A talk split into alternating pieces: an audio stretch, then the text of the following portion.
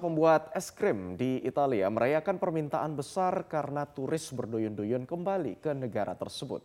Produsen gelato mengalami kesulitan selama pandemi. Mereka mengatakan permintaan merosot 20 persen dalam dua tahun terakhir. Gelato kembali menjadi populer di kalangan wisatawan lantaran suhu panas yang melanda Roma, Italia. Produsen artisanal misalnya mengalami masa yang sangat sulit selama dua tahun terakhir akibat pandemi COVID-19. Mereka mengatakan produksi dan konsumsi telah turun hampir 20 persen akibat penerapan pembatasan wilayah dan lockdown. Namun tahun ini, khususnya dalam beberapa bulan terakhir, terjadi peningkatan yang signifikan dalam pembuatan gelato artisan.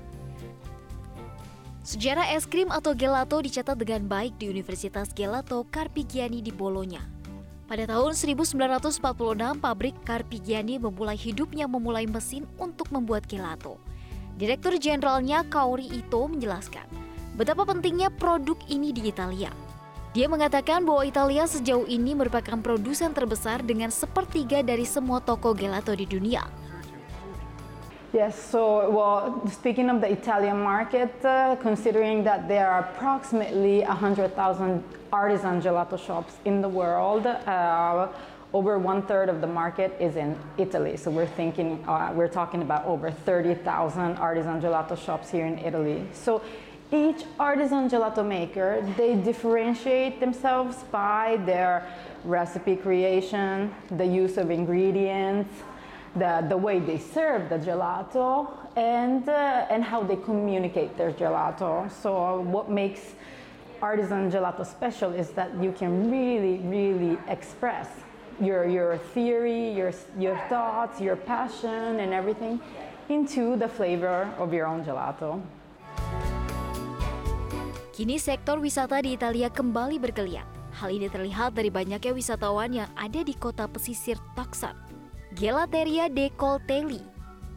Salah satu kedai gelato yang terkenal dan ramai dikunjungi para wisatawan yang ingin mencicipi kelezatan gelato yang memiliki cita rasa beragam.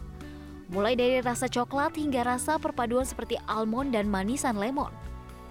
Melejitnya tingkat pembelian membuat kedai ini optimis akan masa depan bisnis pasca pandemi.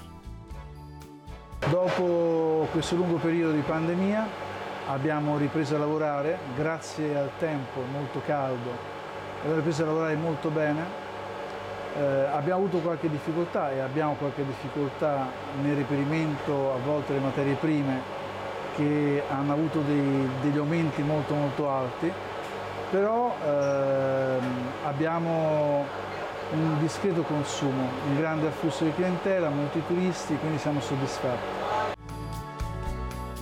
Universitas Gelato pada tahun 2003 meluncurkan situs Carpigiani untuk mengajarkan cara tradisional membuat gelato kepada siswa di seluruh dunia.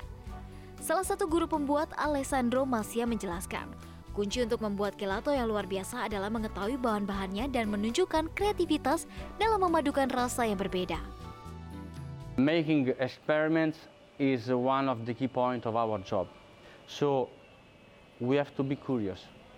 We know how to balance recipe, we know how to combine together the ingredients, Murid-murid di sini datang dari seluruh dunia. Mereka belajar materi tertulis di pagi hari dan ketika sore hari mereka membuat resep mereka sendiri di dapur. Beberapa siswa belajar di sini sudah bekerja di industri makanan dan minuman, namun mereka memutuskan untuk menyempurnakan keterampilan mereka dengan menjadi pembuat gelato. So as you can see the consistency of the of the gelato.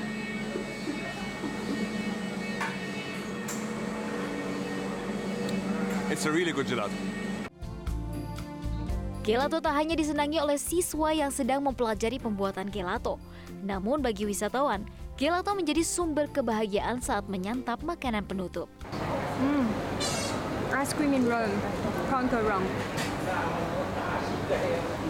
Gotta try it, it's delicious. It's apricot sorbet and it tastes like a real apricot. It's really, really delicious and it's very good for this very hot summer days in Rome. Masyarakat Italia meyakini gelato adalah sumber kebahagiaan yang sederhana. Semua orang suka gelato dengan berbagai rasa yang membuat penikmatnya menemukan kebahagiaan tersendiri. Biro Investigasi Federal atau FBI menemukan 11 set dokumen berlabel sangat rahasia atau top secret usai menggeledah rumah mantan Presiden Amerika Serikat Donald Trump di Florida. FBI juga mengangkut sekitar 20 kotak dari rumah Trump. 20 kotak kardus yang diangkut oleh FBI saat penggeledahan rumah Trump di Florida terdiri dari catatan tulisan tangan, foto, dan juga dokumen pemberian grasi Trump untuk sekutunya Roger Stone. Sementara 11 set dokumen top secret yang diamankan oleh FBI disebut memuat sejumlah dokumen sangat rahasia bertanda hanya boleh tersedia di fasilitas khusus pemerintah. Sumber anonim The Washington Post yang terlibat dalam penyelidikan melaporkan salah satu dokumen rahasia yang disita oleh FBI terkait senjata nuklir Amerika Serikat. Melalui akun media sosialnya, Donald Trump membantah seluruh klaim FBI dan balik menuding FBI menanam informasi di rumahnya dan menyebut masalah senjata nuklir adalah tipuan. Trump mengeluhkan dirinya menjadi korban persenjataan politik penegak hukum. Penggeledahan di rumah Trump merupakan tindak lanjut laporan Badan Arsip Nasional yang kehilangan sejumlah dokumen rahasia pada Januari lalu. Dari penggeledahan Januari lalu, FBI menyita 20 kotak yang dilansir termasuk dokumen catatan dari sejumlah pemimpin negara lain. Daftar 30 kandidat peraih Ballon d'Or 2022 telah dirilis oleh France Football. Ya, menariknya untuk kali pertama sejak tahun 2005 tidak ada nama mega bintang Lionel Messi dalam deretan nominasi. France Football telah merilis daftar 30 nominasi peraih Ballon d'Or 2022. Ada sejumlah hal menarik dari pengumuman nama-nama tersebut. Di antaranya adalah tidak disertakannya nama mega bintang Lionel Messi dalam deretan kandidat pemenang Ballon d'Or. Ini merupakan kali pertama sejak tahun 2005 La Pulga tak masuk hitungan. Pemegang tujuh gelar Ballon d'Or yang kini membela Paris Saint-Germain itu memang tak terlalu mengkilap musim lalu. Messi hanya mencetak 11 gol dari 36 penampilannya bersama Le Parisien. Tak hanya Messi, koleganya di PSG Neymar juga bernasib sama. Ditengarai cedera berlarut membuat nama pemain asal Brazil itu dilupakan. Satu-satunya pemain PSG yang masuk nominasi hanyalah Kylian Mbappe. Pemain 24 tahun itu bersanding dengan beberapa nama beken seperti Cristiano Ronaldo, Robert Lewandowski, Sadio Mane, Muhammad Salah, Kevin De Bruyne, Karim Benzema, hingga Luka Modric. Selain itu, kehadiran nama-nama anyar yang siap mengancam keberadaan Messi bahkan Lewandowski. Sebut saja bintang AC Milan Rafael Leao yang merupakan sosok pemain terbaik Italia 2021-2022. Di samping itu, nama Darwin Nunes juga tak bisa dikecualikan. Bomber anyar Liverpool tersebut juga menjadi pendatang baru di Ballon d'Or 2022. Bukan tanpa alasan, Nunes dianggap tampil moncer saat berkostum Benfica, kendati gagal mempersembahkan gelar. Sindikat Pengiriman Pekerja Migran Indonesia atau PMI secara ilegal berhasil ditangkap oleh jajaran polisi di kawasan pelabuhan di Kota Batam, Provinsi Kepulauan Riau. Enam orang tersangka yang memiliki peran masing-masing langsung diamankan pihak kepolisian dari berbagai lokasi di Kota Batam. Inilah pemirsa enam orang tersangka berinisial K, R, A, RS, SS, dan SH yang berhasil dibekuk polisi karena terbukti terlibat sindikat pengiriman TKI ilegal. Dalam melancarkan aksinya, para tersangka memiliki peran masing-masing, mulai dari mencari korban dari berbagai daerah, mengurus dokumen, menjemput di bandara, menyiapkan penampungan serta memberangkatkan ke Malaysia. Sindikat pengiriman para PM ini sudah berlangsung sejak lama. Kebanyakan mereka melakukan aksinya di Pelabuhan Internasional Batam Center. Dalam sehari mereka rata-rata mengirimkan para PMI ke Malaysia antara 20 hingga 50 orang per hari. Penangkapan sindikat ini berawal dari banyaknya laporan korban PMI yang masuk ke polsek kawasan pelabuhan. Dari hasil pemeriksaan para korban yang kebanyakan berasal dari Lombok, Nusa Tenggara Barat, harus membayar biaya sekitar 15 juta per orang. Biaya tersebut mulai dari tiket dari daerah penginapan transportasi, biaya pembuatan paspor, serta pemberangkatan ke Malaysia.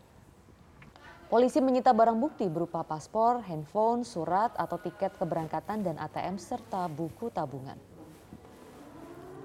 Bus pengangkut rombongan siswa yang hendak berwisata di Kabupaten Malang, Jawa Timur mengalami kecelakaan. Kecelakaan diduga akibat supir tidak mampu menguasai kemudi saat bus menanjak di jalur yang tajam dan juga curam. Bus berplat nomor W7088Y ini mengalami kecelakaan dan terguling di kawasan Desa Plandi di Kecamatan Wonosari, Kabupaten Malang, Jawa Timur. Terdapat 31 penumpang di dalam bus yang terdiri dari 28 siswa, dua orang guru, dan satu pengemudi. Akibat peristiwa ini, satu siswa terluka dan menjalani perawatan di Puskesmas Ngajum. Sementara siswa lain dievakuasi ke masjid di sekitar lokasi menunggu penjemputan. Rencananya rombongan siswa ini akan berwisata ke Taman Wisata Umbulan Tanaka yang terletak di Desa Bangelan di Kecamatan Wonosari.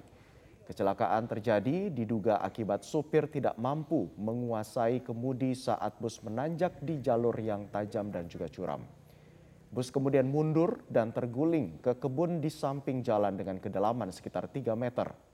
Beruntung tidak ada korban jiwa dalam kecelakaan ini. Setelah lewat jembatan pada saat ada sedikit tanjakan, pengemudinya tidak bisa menguasai kendaraan, menyebabkan kendaraan itu atret mundur. Kemudian terpelosok ke pengsengan tepi jalan ini di tegalan warga.